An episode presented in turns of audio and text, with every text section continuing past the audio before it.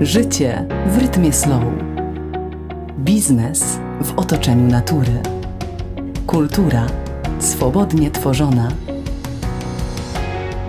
Made in Warmia and Mazury. Magazyn o regionie, w którym żyjemy wolniej, więc uważniej. Czytać go to przyjemność, a słuchać to luksus. Jak zostać królem? Kiedy w styczniu internet obiegła informacja zmarł Juliusz, pierwszy król włóczęgów, dotarło do nas, jaką wyjątkową postać straciła Warmia i Bieszczady. To między te dwie krainy dzielił swoje życie Juliusz Wasik, który aż do 94 roku życia inspirował, edukował, zaskakiwał otoczenie. Wymykający się wszelkim schematom życiorys zasługuje co najmniej na książkę lub film fabularny, ale póki co przybliżmy jego nietuzinkowość we wspomnieniach najbliższych mu osób. Do suchego dębu z przybitą deseczką Pustelnia u Julka najłatwiej dotrzeć łodzią od strony Zalewu Solińskiego. Drogą lądową trzeba prawie dwóch godzin marszu przez gęsty bieszczacki las. Co roku setki turystów przecierało te szlaki, aby na własne oczy zobaczyć króla. Podczas cyklicznych lipcowych koronacji z udziałem poddanych z różnych stron Polski zmieniał jedynie przydomki. Bywał samozwańczym władcą włóczęgów, biedaków, podróżników, żebraków, a nawet faraonów. Na ten ostatni przydomek dostał ponoć pozwolenie od samego Ramzesa podczas pobytu w Egipcie. Upór i piwko.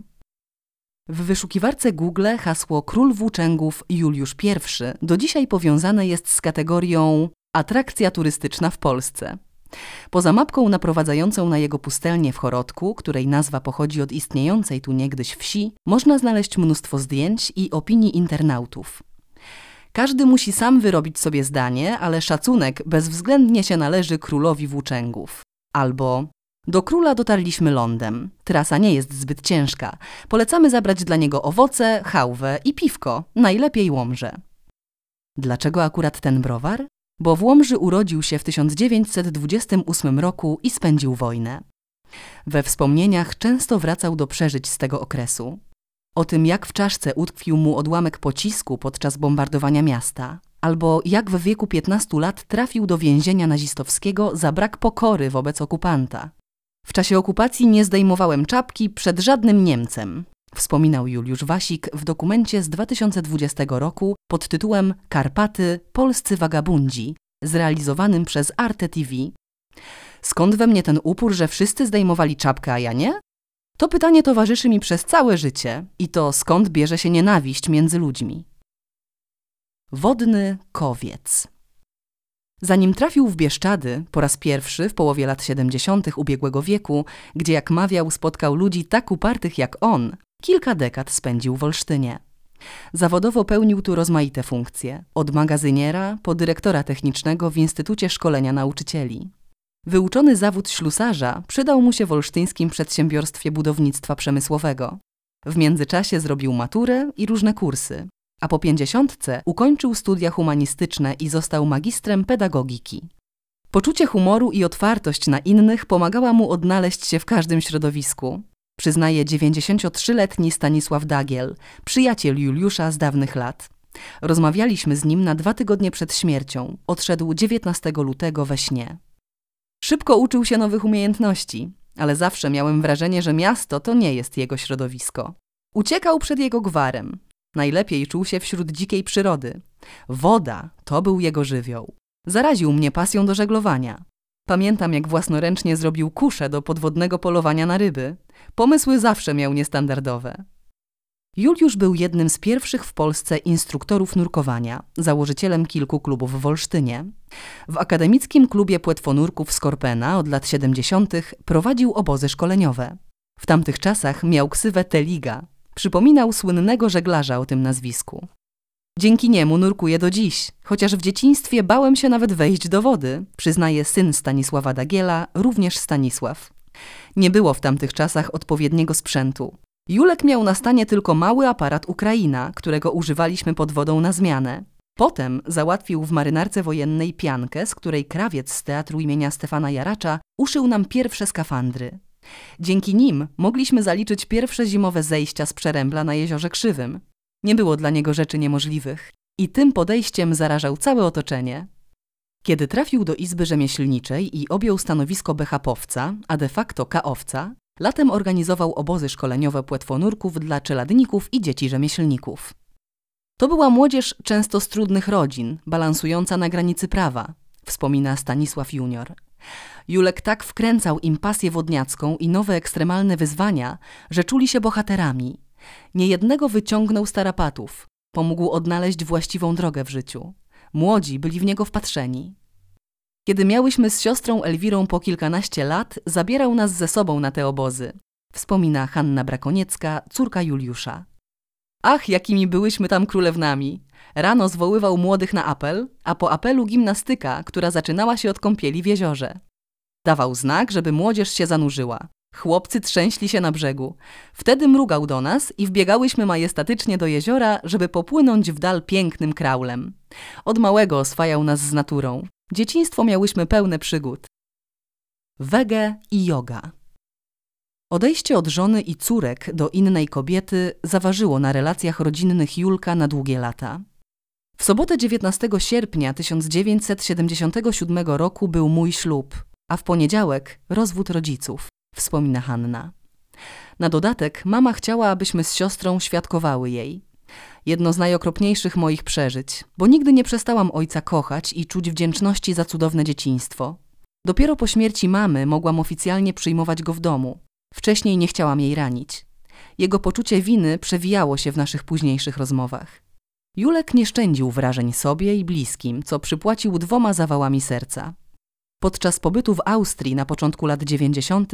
spotkał lekarza irydologa, który wyciągnął go z choroby, nakłonił do roślinnej diety i częstych leczniczych głodówek. Pozostał weganinem do końca życia. Dietę uzupełniał codzienną porcją jogi i ćwiczeń rozciągających. W tamtych czasach taki styl życia był rzadkością. Zapewne ta higiena życia miała wpływ na jego długowieczność i jasny umysł. Przyznaje Piotr Wasik, 38-letni syn Julka z drugiego związku. W domu sam przyrządzał posiłki i namawiał mnie oraz mamę do rezygnacji z mięsa. Na męskich wypadach jedliśmy na przykład sałatkę z pokrzywy i czarciego żebra, zioła wzmacniającego organizm, które było podstawą jego diety. Moje miejsce na ziemi. Na początku lat dziewięćdziesiątych, już na emeryturze, na dobre poczuł zew puszczy. Do Chorodka, który znał z wędrówek w latach siedemdziesiątych, zabrał swoją partnerkę Bożenę i syna Piotra. Pamiętam, że pierwszego dnia lał deszcz, grzęźliśmy w błocie, spaliśmy w przemoczonym namiocie. Mama była zdesperowana, chciała na drugi dzień wracać ze mną do domu, wspomina Piotr Wasik. Ale rano wyszło słońce, a że sama była zapaloną turystką, zostaliśmy na dłużej. Rodzice zaczęli snuć plany, żeby urządzić stanicę wodną nad Zalewem Solińskim. Rysowali jakieś projekty. Następnego roku ojciec wrócił i zaczął budować chatki z drewnianych kłód, desek, które woda zalewu wyrzuciła na brzeg. Początki Juliusza w bieszczackiej głuszy nie były łatwe. Chatę ktoś dwukrotnie podpalił, zdarzały się kradzieże narzędzi i zaczepki podpitych turystów. Ale dzięki swojej determinacji i niewątpliwej charyzmie szybko został zaakceptowany przez miejscowych zakapiorów, jak mawiają o sobie bieszczaccy outsiderzy. Imponował zaradnością. Potrafił z sanek zrobić bojer i jeździć po zamarzniętym jeziorze. I przeżyć zimę w lesie, ogrzewając się jedynie gorącymi kamieniami z ogniska, które służyły mu za termofor. To moje pierwsze survivalowe wspomnienie z wypadu do dziadka, który zaliczyliśmy z rodziną, kiedy byłem już nastolatkiem. Wspomina Szymon Brakoniecki, syn Hanny. Bez prądu, gazu, wygód cywilizacji, funkcjonował w swojej samotni przez wiele sezonów. Kilka lat temu ktoś podarował mu panel słoneczny, którym zasilał laptopa i telefon komórkowy. Bo choć żył ascetycznie, chciał być w kontakcie ze światem. Mawiał, że w chorodku jest sam, ale nie samotny. Jestem tak interesującym człowiekiem, że w swoim towarzystwie nigdy się nie nudzę, mówił Julek w dokumencie filmowym. I czołgiem mnie stąd nie wypchniecie. Tu jest moje miejsce na ziemi. Wysokiej klasy specjaliści. Nikt nie pamięta, kiedy dokładnie został królem. Samozwańczy władca, o którego barwnej osobowości wieść niosła się po Bieszczadach, przyciągał nie tylko turystów, ale też fotografów i dziennikarzy. Jednego dnia pozował w królewskich szatach, podpierając się trójzębem, innego wdziewał jednoczęściowy kostium z różowego futerka, albo chadzał po swoim królestwie odziany tylko w kapelusz. Latem w Chorodku ruch był jak na Marszałkowskiej. Ludzie przybywali do króla z darami, wspomina Marcin Rudziński, przyjaciel Szymona, autor licznych portretów fotograficznych Julka. U nas zamawiał zawsze piwo i cornflakes. Kiedy pojawialiśmy się, od razu rozdzielał nam funkcje. Jeden robi koronę, drugi dba o ognisko, trzeci jest przedstawicielem światowej finansjery i pilnuje skarbca. A wszyscy byliśmy, jak mawiał, wysokiej klasy specjalistami. Nawet mojego psa Amstafa w czarne łaty nazywał królewskim gronostajem. Spotkania z nim były jak wejście do świata baśni. Wyobraźnia pracowała na całego. Warto było jechać ponad 600 kilometrów z Warmii. Magnetyzm Julka wygrywał z innymi atrakcjami na świecie. Julka i jego pustelnie opisywały przewodniki i portale turystyczne, m.in. National Geographic, a chatka była częstym motywem pocztówek z Bieszczad. Jemu i innym zakapiorom dedykowano piosenki i malarskie portrety, które do dzisiaj zdobią bieszczacką karczmę w nieodległym Polańczyku. Glejt od Hitlera Teatralne koronacje były pretekstem, aby przyciągnąć uwagę na problemy, które zaprzątały głowę Julka od czasów wojny. Bacznie śledził konflikty na świecie, wyścigi zbrojeń, ruchy wojsk. Nie akceptował agresji. Uważał, że każdy konflikt można rozwiązać pokojowo, tłumaczy Szymon. Jego życiową misją stały się działania na rzecz rozbrojenia, pokoju, zjednoczenia narodów, na tyle, na ile pozwalały mu możliwości. Kiedy wybuchła wojna w Iraku, przez tydzień samotnie trzymał transparent pod olsztyńskim ratuszem. Organizował sympozja na temat przeciwdziałania złu i absurdom. Niech diabeł w kotle smoły dźga mnie widłami, a ja nie porzucę mojej odwagi, mówił przed kamerą Arte TV. Moja odwaga jest w myśleniu i działaniu. Listy, manifesty, wezwania, innymi do rozbrojenia nuklearnego, przez dekady wysyłał do polityków, przywódców państw i koronowanych głów. Choćby do Putina, Trumpa, Netanyahu czy królowej Elżbiety. Mawiał, że odłamek pocisku, który tkwił mu w głowie, to specjalny glejt od Hitlera, który legitymizuje jego pokojowe działania, wspomina Piotr, syn Julka. Wiedząc, jakie to dla niego ważne, pomagaliśmy mu wyszukiwać adresy i maile do kancelarii prezydentów. Tłumaczył teksty z naszą pomocą albo korzystając z internetowych słowników. Czy otrzymywał odpowiedzi? Sporadycznie i wyłącznie kurtuazyjne, zdawkowe.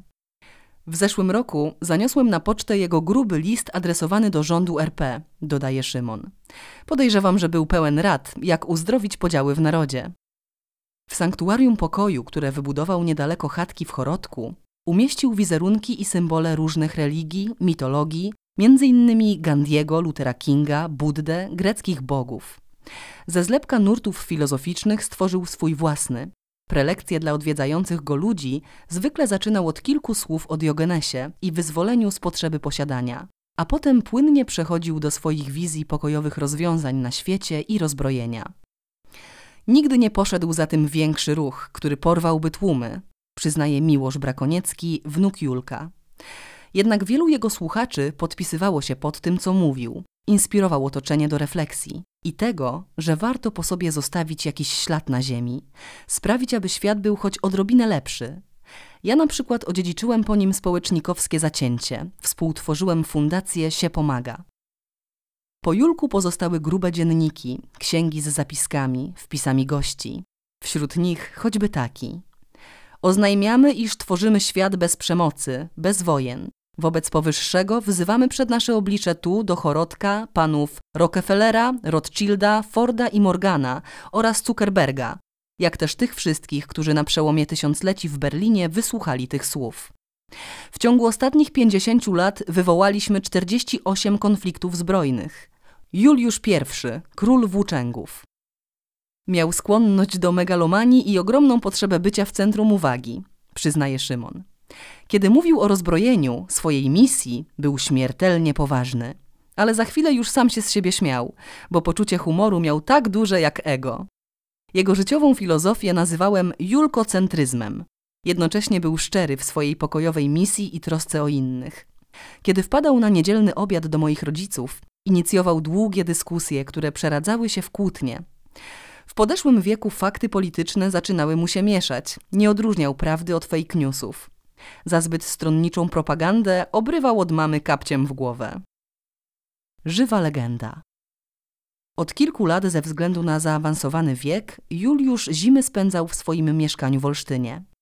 Czas wykorzystywał na pisanie, czytanie albo planowanie podróży. Czuł się obywatelem świata. Jeszcze w latach 70. zainteresował się językiem Esperanto. Uczęszczał do olsztyńskiego klubu esperantystów, jeździł na kongresy, m.in. do Brazylii i Pragi. Po latach władał nim biegle i nie miał oporów, aby samemu wyruszyć na inny kontynent, zwiedził kawał świata. Grubo po osiemdziesiątce poleciał do Egiptu świętować swoją pięćdziesięcioletnią przygodę z nurkowaniem. A cztery lata temu oznajmił, że kupił bilet do Tajlandii i mamy zorganizować w rodzinie zrzutkę na jego wypoczynek, w tym tajskie masaże, mówi Szymon. I tak zrobiliśmy. Wrócił jak nowonarodzony, wyprostowała mu się sylwetka. Długa broda, białe szaty, wyglądał jak guru. Wszędzie, gdzie się pojawiał, czerpał z życia pełnymi garściami i robił furorę. Kiedy zbliżała się wiosna, rodzina i przyjaciele organizowali mu transport z Warmii w Bieszczady. W ubiegłym roku odbyła się ostatnia koronacja. Po przejściu jesienią covid król wyraźnie osłabł. Chciał przechodzić go w szpitalu w Bieszczadach. Wierzył, że pokona covid głodówką. Wymusił na lekarzach, aby zadbali o jego wegańską dietę, tłumaczy Piotr. Udało mu się wyzdrowieć, ale wirus pozostawił ślad. Nie protestował zbytnio, kiedy zimą załatwiliśmy mu ośrodek opieki w Ustrzykach Dolnych. Dał się nawet ogolić. Odszedł we śnie 16 stycznia, mimo że miał plany na kolejnych 30 lat. Rodzina i przyjaciele chcą uchronić przed zapomnieniem jego chatkę i sanktuarium pokoju, które stoją na prywatnej ziemi. Będziemy wiosną rozmawiać z jej właścicielem, jak zachować dziedzictwo Julka, który pewnie jeszcze długo będzie żywą legendą w Bieszczadach, zapewnia Miłosz, wnuk Juliusza. Chcielibyśmy, aby powstała tu na przykład pamiątkowa płaskorzeźba. Zostawił na świecie dużo dobra, a teraz naszym zadaniem jest je pomnażać, a już na pewno uchronić od dewastacji to, co przez dekady stworzył. Jego duch jest wśród nas. Czuję go na przykład podczas medytacji, słyszę jego gromki śmiech, dodaje Szymon. Nauczył nas, że do szczęścia potrzeba człowiekowi naprawdę niewiele i że prawdziwe królestwo nosimy w sercu. Spoczywaj w pokoju, królu życia. Tekst Beata Waś. Czytała Wioleta Zalewska. Artykuł pochodzi z 48 numeru magazynu Made in Warmię Mazury.